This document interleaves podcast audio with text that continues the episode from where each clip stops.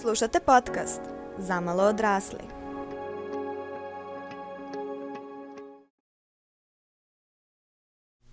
Zdravo svima i dobrodošli u novu epizodu podcasta Zamalo odrasli. Danas pričamo o malo biznis financijskoj temi, odnosno o tome kako da adekvatno naplatiš svoj rad. Zašto pričamo o tome? Pa realnost je da dosta mladih prosto kao svoje prve poslove, pogotovo ako još uvek recimo studira i slično, će imati neke poslove koji su prosto, aj kažemo, freelancerski poslovi. I da se razumemo, ja znam da većina ljudi koji se ne bave freelancingom smatraju da freelanceri zarađuju 10k svaki mesec, ono, samo sede kod kuće rade, ili možda i odu negde na putovanje i tako onda rade i slično i baš im je super. Međutim, to nije svačija realnost. Da li postoje takvi ljudi? Apsolutno. Ali prosto ne rade free, svi freelanceri tako i ne valjaju se svi freelanceri u parama. Verujte mi. A, prosto freelancing je samo jedan od načina da zaradiš novac i jedan od načina poslovanja umesto da budeš zaposlen kod nekoga ti sam pronalaziš svoje klijente. I naravno to ima svoje pozitivne, ima svoje negativne strane. Jedna od pozitivnih strana je to što dosta možeš da utičeš na to koliki će ti biti opus posla. Makar u odnosu, makar možda utičeš na smanjenje istog.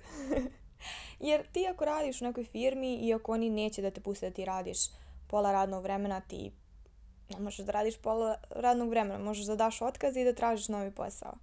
Međutim, kao freelancer ti možeš da kažeš ok, ja sada imam prostora toliko i toliko sati da radim, hajde da vidimo da tako uklopim klijente. Naravno, tu postoje jedna i loša strana da nekada ne možeš toliko lako da utičeš na to da povećaš količinu klijenata i samim tim količinu novca. Ali dobro, to su sad već izazovi takve vrste posla, međutim nisam htjela toliko o tome da pričam. Već, kao što sam rekla, nisu svi freelanceri, e, radim preko nekog sajta, uh, online i kao samo mi ležu pare od nekih stranaca. Nisu to svi freelanceri, kažem opet ima takvih, ali to nije realno za sve. Dosta ljudi, mislim ja sve što radim, ja tehnički radim kao freelancer, međutim pola mog posla je da ja odem lično i održim čas nekome i to je prosto, i dalje sam ja freelancer, iako nit radim online, nit radim remote, mislim, upitno je, ne znam kako bih to nije značila i slično. U tom smislu, znači to je i dalje način da ja moram sama da odredim koliko nešto košta i moram, ajde kažemo, da prodam svoju uslugu nekome. E, i šta, sad dolazimo do toga jako bitnog dijela, to je da kada ti moraš, nebitno da li si freelancer ili si možda čak i mali biznis i to isto na kraju krajeva dolazi na isto, ako ti moraš nekome da ponudiš svoj proizvod ili uslugu, ti moraš sam ili sama da odrediš koliko će to da košta. I tu da bude dosta nezgodno, jer prosto dosta nas ima tendenciju da smanjuje cene iz nekoliko razloga. I evo neke od tih. Prvo, dosta ljudi se plaši da drugi neće želeti ili neće moći da plate toliku cenu koliko oni možda misle da vredi. Znači, ako ja mislim da neka moja usluga vredi 50 evra, a ja mislim da ti nemaš 50 evra da mi daš, ili ne želiš da daš 50 evra na tako nešto, ja ću možda tebi to da ponudim za 30 evra, iako realno bi to trebalo bude 50 evra. I to je prvi problem, znači da prosto se nekako stavljamo i ulogu više kao klijenta i šta bismo mi volili kao klijent. Mislim, naravno smo svi voleli da sve stvari možemo plaćamo jeftinije, ali kao ekonomija ne funkcioniše tako. I sasvim je u redu da, pogotovo ako se baviš neesencijalnim stvarima, jer hej, ako si, ne znam, videograf, fotograf, dizajner, um, asistent, um, predaješ, držiš neke časove, to su sve neesencijalne stvari. Znači, niko ne mora to, ne prodaješ hleb, ne prodaješ lekove, nikoga nisi ojadio time. To je lični nečiji izbor da li će taj neko da uzme i da plati tvoju uslugu ili ne. Znači, niko ne mora da plati. Nisi pogrebna usluga. Znači, da se razumemo. I to je jako bitno imati na umu, da to što radiš uglavnom najčešće nije esencijalno. Samim tim, koliko god da, to ne znači da tvoj posao manje vredi, naprotiv, to samo znači da tvoj posao je nešto što neko ne mora sebi da priušti. Samim tim je ok da to bude nešto što ne može baš svako da priušti. Odakle taj strah da ljudi prosto to neće, to ima, kažem, dosta i toga ja kao, znaš, joj bože, to je mnogo, da neko da toliko para, ali s druge strane ima i to, jao, šta ako neće hteti da rade sa mnom zato što ovo toliko košta, hajde da spustim cijenu. I prosto to je zamka iz nekoliko razloga. Prvo, ukoliko ti misliš da nešto vredi 50 evra i naplatiš nekome 30, ti dok radiš sa tom osobom, ti znaš da si ti tom nekom spustio 20 evra. Taj neko ne zna, ti, taj neko nije pokušao da se sa tobom uh, preganja kod cijene, pa da ti možeš da posle kažeš, e brate, ono, alo, smiri se, ja sam ti spustila ovo, 20 evra, nemaš tako se ponašaš. Znači, da si platio punu cijenu, može, ovo već prelazi sve granice. Ali taj neko ne zna, znači ti si prosto uradio nešto što, ajde kažemo, stavi se nekog u poziciju da taj neko ni ne zna da se nalazi u toj poziciji. Samim tim može se desiti da ukoliko nešto baš ne ide kako treba. Recimo, oduži se projekat, um, treba više ispravki, taj neko je malo nezgodan, što se sve naravno dešava, klijenata ima raznih i kao super je kad možeš da biraš s kim ćeš da radiš, s kim, ćeš ne, s kim nećeš, ali u nekom trenutku prosto moraš da prihvatiš nešto što baš nije toliko strašno. Nešto što ono kao, ajde, mogu progledam kroz prste. I samim tim, znači ti ćeš se gore ponašati, što znači da taj neko će onda imati loše iskustvo sa tobom, samim tim vjerojatno će manje cijeniti to što radi. Naravno, može se desiti da ti nekome stvarno daš cijenu koju u tom trenutku misliš da je realna, da kreneš da radiš posao i shvatiš da si se zezno za sve pare, jer taj neko prosto je od tebe očekivao nešto što ti nisi uračunao ili uračunala i samim tim posao ispade mnogo komplikovaniji nego što je trebalo. Evo ja sad sam skoro baš imala taj uh, moment da jesam ja dala ok cenu, međutim ispostavilo se da ja nisam imala sve informacije i da sam morala ponovo da radim. Delom je bila moja krivica jer ja nisam tražila da dobijem primer da mogu to, jer sam mislila sam skontala šta treba da radim, međutim bukvalno sam morala dva puta uradim posao, što znači da, je šta, ja sam naplatila na to duplo manje. Iako ja nisam smanjila cenu inicijalno. I u tom smislu znači da kažem prosto, em što će ti biti teže radiš s tim nekim, em što će oni osjetiti da tebi baš nije sve jedno, em što može se desiti da uradiš lošije posao, da umjesto se negde potrudiš, kažeš, ma ne mogu, mislim, jako, onako sam im dala prenisku cijenu. I to prosto nije dobro ni za tvoj biznis, niti je dobro za tebe. Naravno, opet, da se razumemo, u trenutku kada ti nemaš dovoljno prihoda, i kad ti treba, smanjit ćeš malo. Malo ćeš vidjeti. Nećeš odmah. Ali, to prosto mora se radi odmereno i mora se radi pažljivo i mora se radi, ne sme se radi u beskonačnost. Evo daću primjer. Kad sam ja prvi put počela, znači moj prvi, aj kažemo, pravi posao, odnosno stvarno prvi put da sam ono kao znala koliko ću novca dobiti za to što radim, je bio u kafiću, ali to je već negdje da ja, mislim, cene su takve kakve su, ja tu ništa ne pitam. I tu nisam imala takav problem, prosto i oni su mi rekli kolika je dnevnica i sve, to je to. Međutim, ja sam nakon toga htjela početi držim časove i kad sam pronašla sajt preko, preko koga se sada oglašavam, mislim i dalje, sve vrijeme koristim isti sajt, um, kad sam ga našla i okačila, već ja mislim sam prvi dan imala neke pozive, jer mislim da sajt tipa nove ljude na par dana stavi odmah na početak, da bi uopšte dobili priliku da mogu da e, dobiju neke klijente, da bi dobili neku ocenu, da bi onda u odnosu na to koliko su traženi ostajali gore ili se spuštali dole. Um, što je iskreno mislim da je odlično, jer zamisli, brate, tek kreneš, naravno da imaš najlošije, kažemo, status na tome i zamisli ima 500 profesora, koliko je bilo u tom trenutku za engleski, ba si tamo ti negde posljednji pa nikad ne bi dobio posao. Mislim, razumeš. I meni već prvi dan neki su me zvali i u tom trenutku sam ja 45 minuta časa naplaćivala 750 dinara. A doći ćemo i do toga kako sam ja došla do te cijene, kako budem pričala o tome baš kako se gradi cijena. Znači 750 dinara 45 minuta. I tačno sam stavila, uh, pošto sam u tom trenutku ja sam dalje živjela sa mamom i definitivno nisam žela da bilo ko dolazi u našu kuću da ja nekome držim časove i zapravo odluka je bila da ja idem kod ljudi I posle se naravno uvela i ona online jer je vrlo relativno brzo krenula korona samim tim. To je postala ovaj, tražena opcija, meni to nije bio nikakav problem. Što znači da sam ja stavila neki kao, aj kažemo, uh, delove grada u koje bih išla u odnosu na to kako je meni nešto udaljeno. Jer sam ja znala se meni ne isplati da ja putujem 2 sata do nečega da bi održala 45 minuta čas za 750 dinara i on se vraća još 2 sata nazad.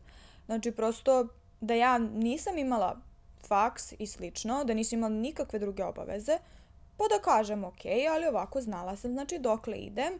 Naravno, posle su neke opštine koje sam stavila, prosto velike, su recimo Palilula.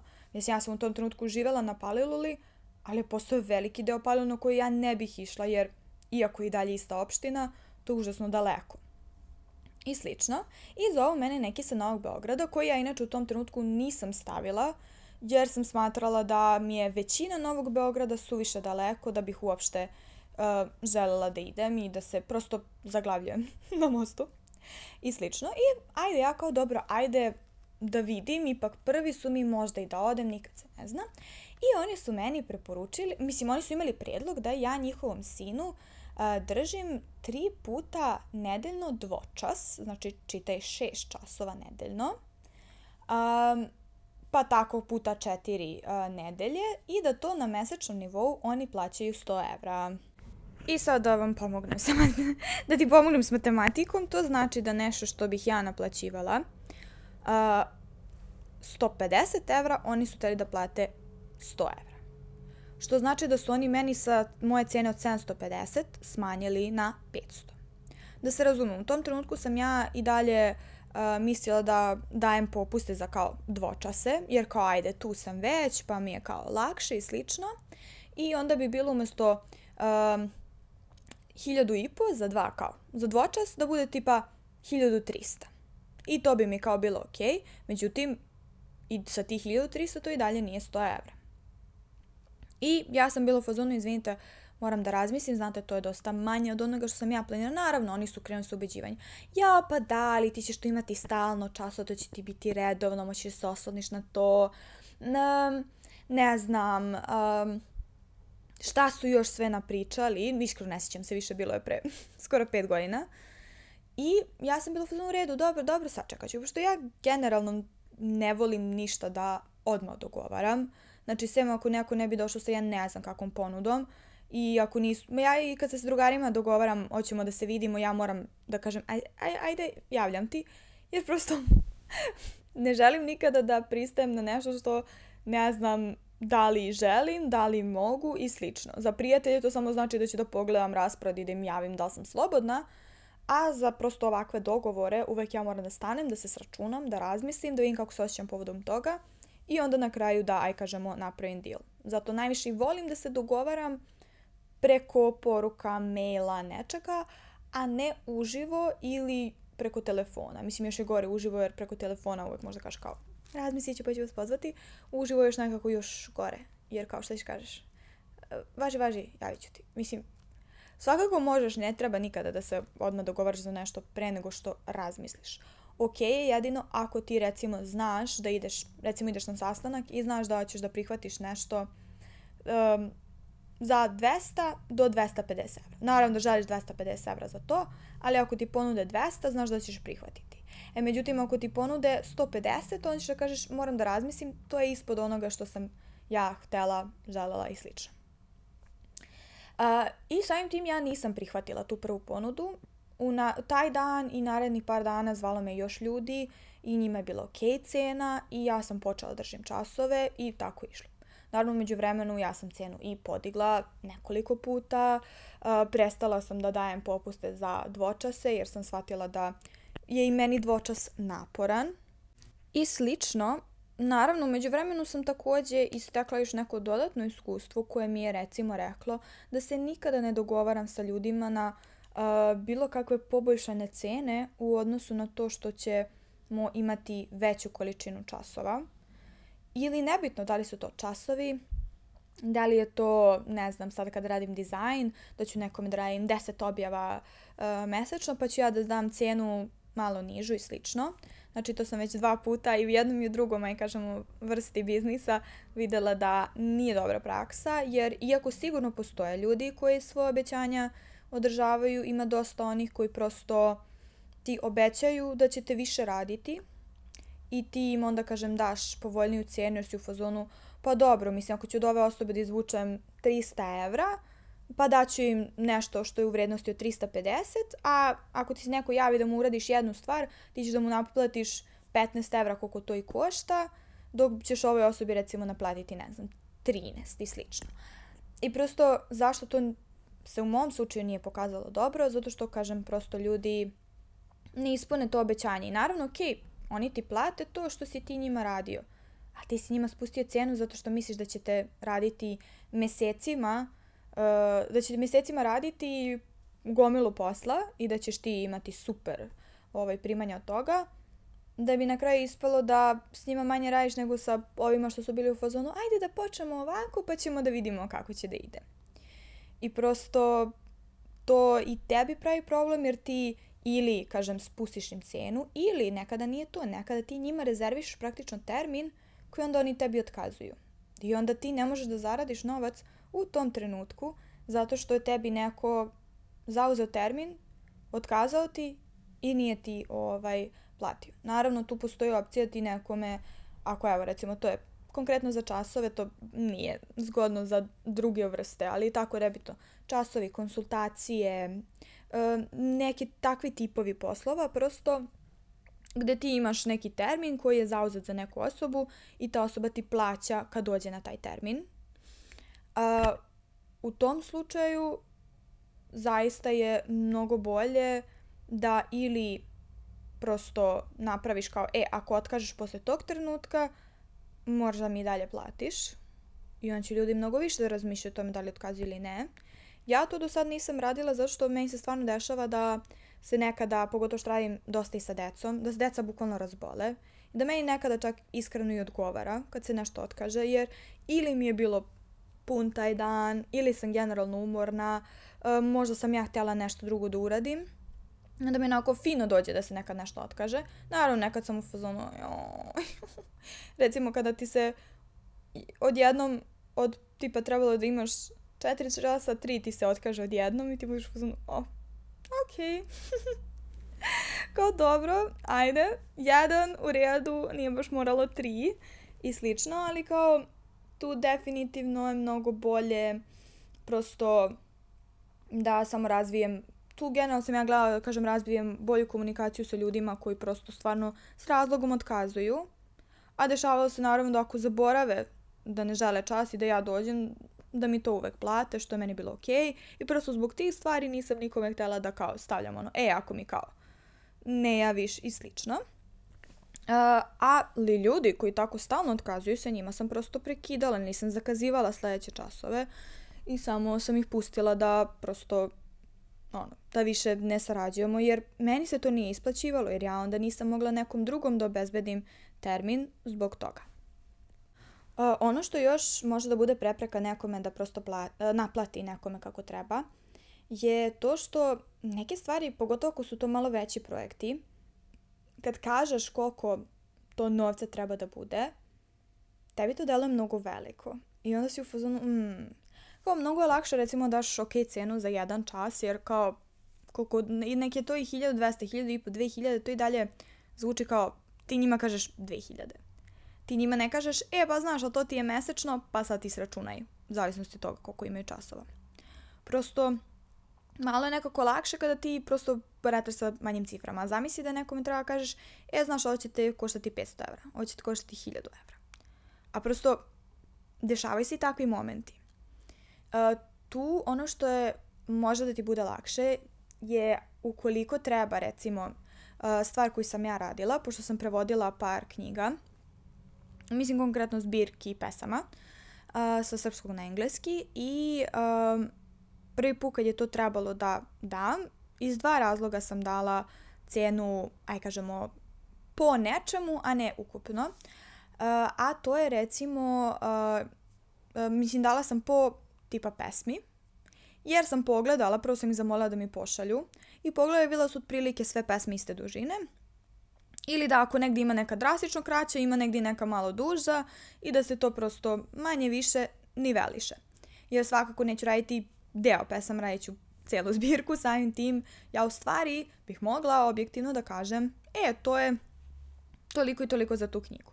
Ali ja to nisam uradila, već sam ja rekla e, to je toliko i toliko po pesmi. I onda ukoliko te neko pita koliko je to ukupno, ti onda im izračunaš ili pustiš njih da sami izračunaju i to je to. U tom smislu ja sam, kažem, iako sam ja znala da recimo bilo 24 pesme, ja sam znala da ima 24 pesme i da je to toliko i toliko ovaj, sve ukupno. Ja sam, da bi sebi olakšala, jer i meni bilo lakše da kažem, ne znam, tipa 500 dinara po pesmi, ne sjećam se iskreno koliko je bilo. Sad ja kažem 500 dinara po pesmi, uh, sam, to sam rekla, umjesto da kažem recimo um, 200 evra za knjigu. Zašto? Pa zato što meni 200 evra, pogotovo kad sam to prvi put radila, je zvučalo mnogo. I kao, joj, 200 evra, bilo mi je mnogo lakše da kažem manju cijenu.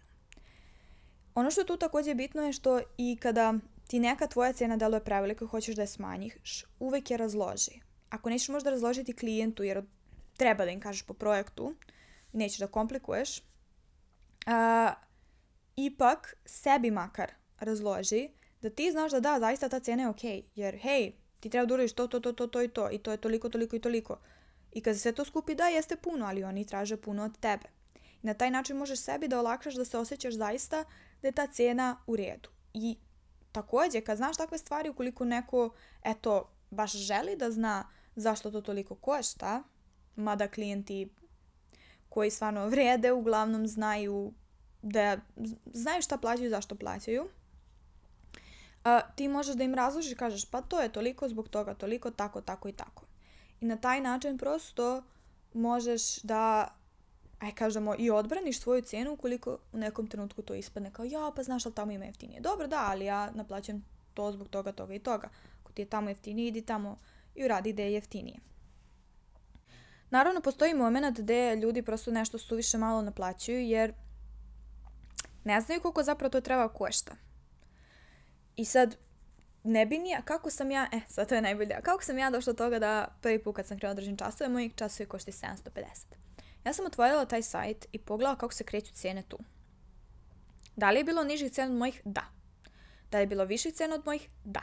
Ja sam smatrala da kao početnik je ok da ne stavim najvišu cenu, jer stvarno u tom trenutku nisam imala niti samopouzdanja, niti iskustva sa kojim sam ja mogla da odbranim. Mislim, imala sam neko iskustvo koje sam stekla kroz volonterski rad, ali nisam imala toliko iskustva i nisam mogla da kažem da stanem sebi u odbranu i da kažem e ja znam zašto ovoliko naplaćujem.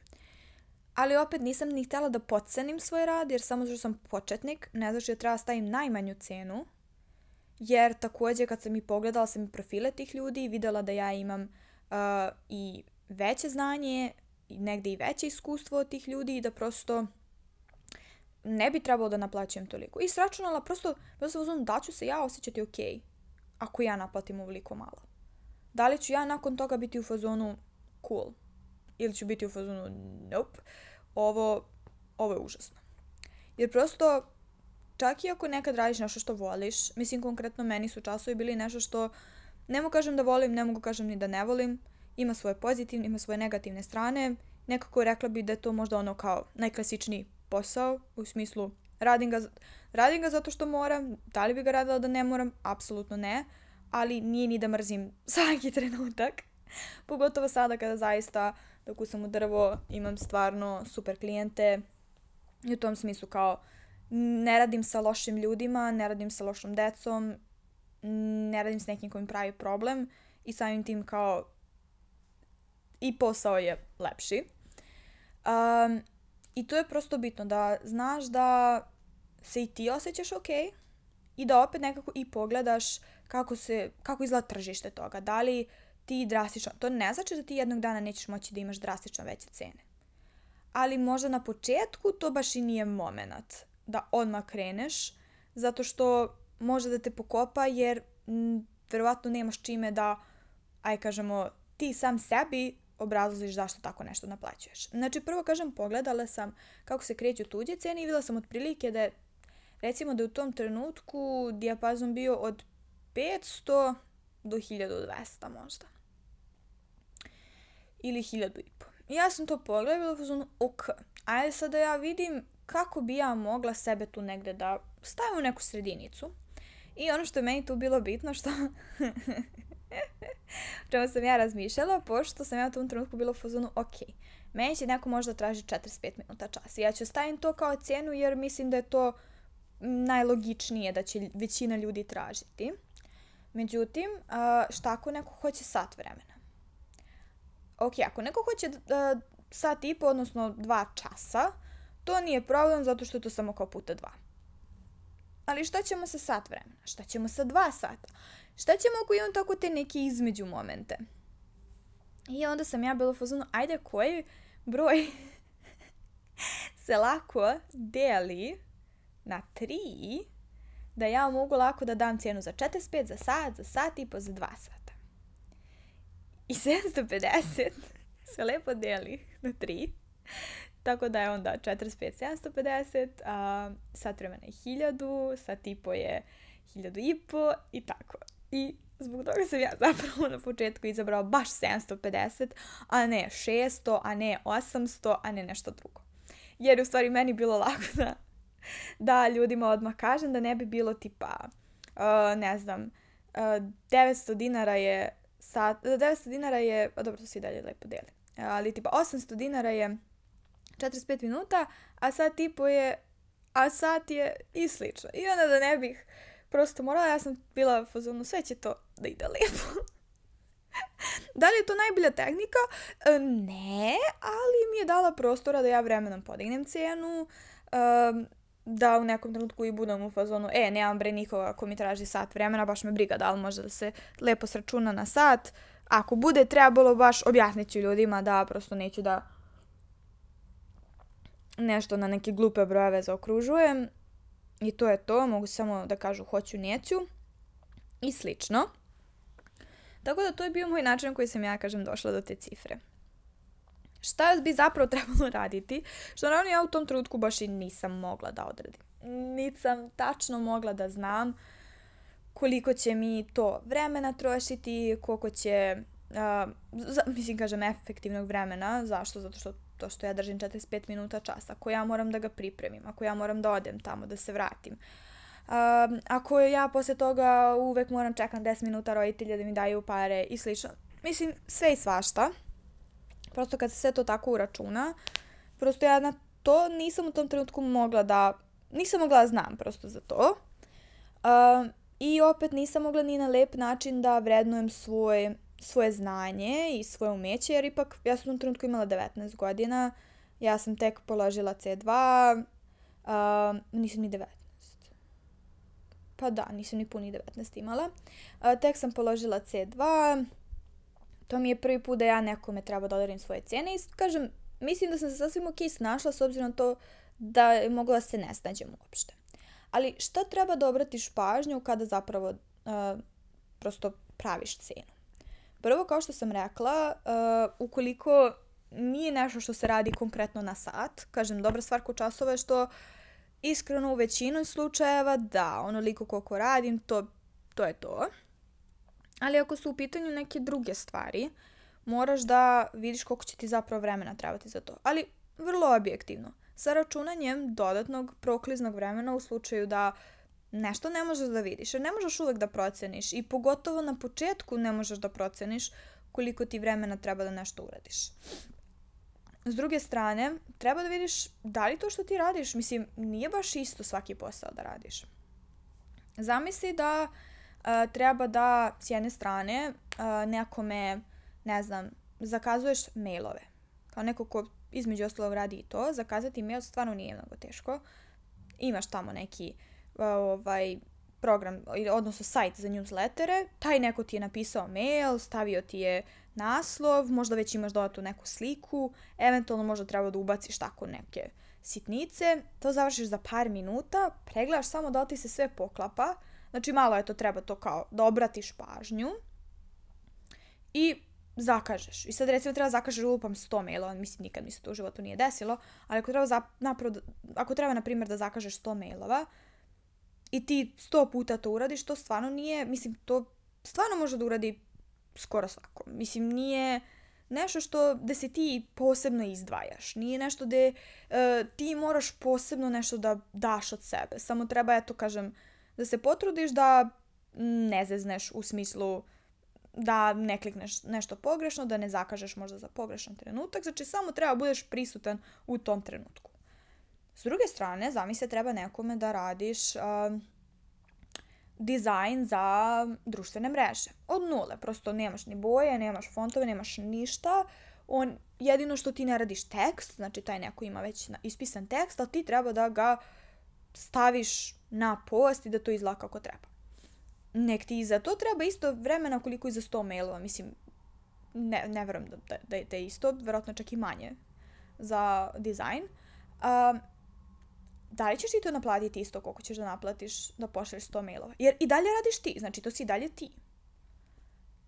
Pa nećeš. Zato što da ti zapravo uradiš dizajn kako treba, ti treba da razmisliš o tome, da smisliš, da imaš ideju, da uh, vidiš kako da rešiš, da kreativno pristupiš tome.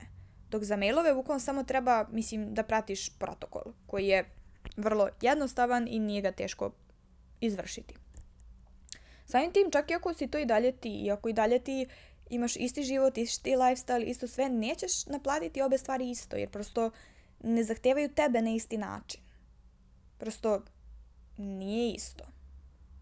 Evo recimo da ja sada, nikad nisam to radila, ali da sada treba, ne znam, da stojim na, da sedim na recepciji negde, ali ne recepciju u hotelu, nego recimo recepcija uh, u nekom velikom biznis objektu gde samo treba da uputim osobu na pravo mesto. Znači, ako mi neko dođe i kaže dobar dan, kaže da treba da ide, ja mu kažem koji sprat ili sačekajte da dođe taj taj ili idite tuda i tuda i to je to. Znači, niti se neko dere, niti neko pravi probleme, samo bukvalno trebaš ljude da preusmeriš tamo gde su krenuli.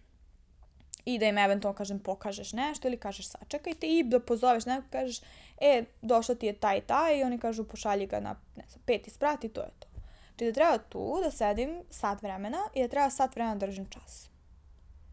Pa, svakako ću više naplatiti da držim čas, jer da bi držala čas, ja sam prvo morala da uložim u svoje obrazovanje. I to novac direktno. Mislim, s obzirom, kao bukvalno ono, manje novca sam uložila u svoju fakultetsku diplomu uh, nego uh, u svoju uh, diplomu za engleski. Mislim, kad se saberu sve diplome. Jer ja bi ga skupe diplome sa faksa se plati. Ali, kao, jer sam ja engleski učila 15 godina i, i više. Ne, 15 godina, 15 godina. Kao to je 15 godina puta 10 meseci puta koliko je koštao mesec dana engleskog plus 20.000 puta 3 diplome. Pa ti računaj. A plus knjige. A da ne pričamo o knjigama još, koje su još dodatno. A za faks, mislim kao, osnovna škola je bila džabe, srednja škola je bila džabe, fakultet mi je bio džabe, morala sam plaćam samo knjige, upise i diplomu. Razumete šta hoću ja kažem. Međutim, ja sam u svoju fakultetsku diplomu dosta toga ulažila što nije direktno novac, ali što sam htjela da kažem, znači, ja sam morala da uložim znači, u svoje obrazovanje da bi držala te časove. Drugo, brate, to te troši. Ti sat vremena tu si, ti si aktivan svih tih sat vremena. Na neki način. Pogotovo još ako ne daj Bože imaš časove sa decom. Mislim, volim ja da držim časove deci u smislu ako su draga deca, draga su oni meni i drago mi ja provodim vreme sa njima. S druge strane, joj, što su teški, uh, dok odrasli se uglavnom ponašaju mirnije, ako ništa drugo. Uh, I prosto ne bih naplatila ta dva isto. S druge strane, opet, ono što moraš da razumeš je da koliko god da dve stvari možda nisu jednake po utrošku vremena, ti na kraju krajeva opet moraš da platiš tu neku kiriju, te neke račune, hranu i sve ostalo što ti treba sa time što radiš. Da li ti možeš, ako to naplatiš, ne znam nijakoliko, da preživiš uopšte mesec dana? Ne pričam da živiš luksuzno, nego da li ti uopšte možda preživiš sa, tom, sa tim? Jer ako ne možeš, znači da moraš da povećaš cenu. Naravno, treba i da gledaš koliko drugi ljudi to naplaćuju. Ali opet to treba uzeti sa uh, malo rezerve. Zašto? Postoje prosto ljudi, evo, mislim, to, pošto ja nemam toliko, aj kažemo, ljudi iz moje branše sa kojima sam toliko povezana, ali zato poznajem dosta fotografa i videografa. Kao u isto vrijeme kada je neko ko ima dosta iskustva naplaćivao nešto 50 evra, takođe znam osobu koja je isto to naplaćivala 300, a sad naplaćuje i više. A, u trenutku kad je taj neko imao, kažem, manje iskustva, naplaćivao je mnogo više. Zašto? Prosto nisu svi ljudi dovoljno hrabri i spretni da svoj rad naplate. I samo zašto neko drugi ne ceni svoj rad, ne znači da ti ne treba da ceniš svoj rad. Naravno, problem je, opet s jedne strane, ako svi ljudi naplaćuju 50, ti naplaćuješ 100, a ne radiš dovoljno bolje od njih ili makar ne predstavljaš se dovoljno bolje od njih, prosto to ti neće biti održivo. Samim tim prosto treba da vidiš koja je ta maksimalna cena koja će ti dalje doneti dovoljno uh, klijenata, a opet da prosto ne upadaš u to da sebe podcenjuješ. Šta je takođe jako bitno znati? Pa i sad ovo, ako možeš da imaš pet klijenata koji će ti plaćaju 10 evra nešto, ili ćeš da imaš ili ćeš da imaš 10 klijenata od po 5, šta ta dva bolje? I dalje ćeš dobiti 50 evra. Ali da li ti je draž da radiš sa 10 ljudi i da dobiješ 50 evra ili da radiš 5 i da dobiješ 50 evra? Znači 5, put, 5 ljudi po 10 evra ili 10 ljudi po 5 evra. A da kažemo da isti opus posla. Znači za svakoga radiš isto, samo ovima možeš da naplatiš 10 evra, ovima možeš da naplatiš 5 evra. Pa logično ćeš izabrati da radiš duplo manje i da imaš isto novca, nego da imaš više klijenata, a da radiš za manje novac. I to je ono što je jako bitno. Vremenom ćeš moći da podižeš cene, jer prvo, bolje ćeš se osjećati, vi ćeš sigurniji i sigurniji od sebe. Drugo, u jednom trenutku će ti se nakupiti suviše klijenata. Što znači da ćeš da možda u nekom prijelaznom trenutku možda i nešto izgubiti, I zato moraš da vidiš kada dižeš cenu, da adekvatno podigneš cenu, da time što ćeš izgubiti neke klijente, da neće mnogo ili neće uopšte uticati na smanjenje tvog, tvoje ukupne zarade. Nastavićeš da sa onima sa kojima je okej, okay, kojima je okej okay da to bude veća cena. I stvarno ljudi prihvataju, meni se čak jednom desilo da uh, su mi za neke časove sami oni podigli cenu. Bili u fazonu, neka, ovo je u redu. Kao, u redu da sad bude ovoliko ja nisam tada dizala cene zašto sam bila jako uplašena da ako podignem cene da ću izgubiti sve te klijente, jer nisam imala u tom trenutku mnogo novih klijenata. Či znači, znala sam da mi ne dolaze novi, imam samo stare i tela sam te stare grčevito da držim. I oni su mi sami podigli cenu i ja sam onda posle par meseci odlučila da i ostalima podignem i među vremenu izgubila jednog klijenta. Ali, prosto, ja sam imala onda ipak ok zaradu, malo je uticalo, a sam ja posle dobila još klijenata i samim tim meni je super što sam ja podigla cenu, novi su mi došli sa već većom cenom, samim tim meni je to se zapravo isplatilo. I zbog toga kažem prosto moraš da se boriš za svoju cijenu i to je jako bitno, jer ako si ti taj, da, nekad će doći ti divni ljudi koji će da budu u e, ovo, ovo je prenisko, platit ti više, ili će neko da ti ostaje bakšiš i slično. Ali, uh, s druge strane, mislim, evo desilo mi se sad ponovo to zapravo, um, počela sam da držim časove blizancima, a morate shvatiti, ja imam brat i sestru blizance. I ja znam koliko je moje mami uvijek bilo drago kada su stvari bile 1 plus 1 gratis. Jer kao i njih je dobila 1 plus 1 gratis, pa ono, bilo bi fair da dobije i stvari za njih. I samim tim kad je meni ta mama rekla da bi ja njima držala u isto vrijeme, jel te časove, znači ne bi bilo kao svako dete po čas, jer prosto nekada ima roditelji kada traže da e, ovaj, braći i sestre imaju samo zaredom časove. Da bi oni imali zajedno čas, da bi imali čas ne 45 minuta, nego sat vremena, što je se meni više isplati. Jer meni sve jedno da ću držati 45 ili sat vremena, a više je novca. Ja sam im dala cenu kao da držim jednom detetu, jer kao ja svakako tu tih sat vremena, ja svakako držim čas pa držim čas. Da li je tu jedno dete ili dva, nije velika razlika. Pogotovo što to i dalje ide iz jednog džepa. Mislim, u smislu, nije da su kao sad, ne znam, uh, dvoje različitih roditelja spojili kao da sad neki drugari imaju zajedno, pa sad kao ajde, ne, nego prosto to dolazi iz jednog kućnog budžeta i ja nisam im ni na koji, nisam im naplatila ovaj, da bude za dva časa. Međutim, oni su meni zaokružili na veću cifru i to fino zaokružili, što i dalje jeste niže od onoga da sam ja njima naplatila za dva časa, odnosno kao duplo za decu, ali kao samo inicijativni su bili u fazonu neka kao ajde da se ne jurimo za kusur, kao evo ne bude ovako.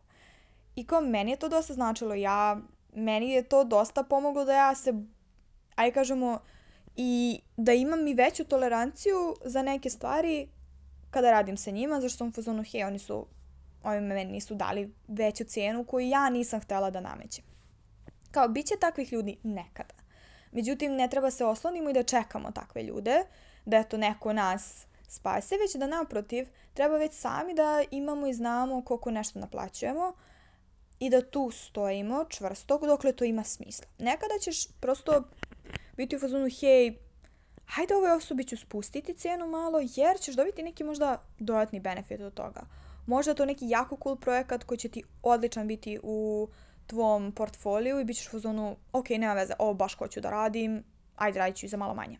Ili je to neka super cool osoba od koje znaš da možeš dosta da naučiš.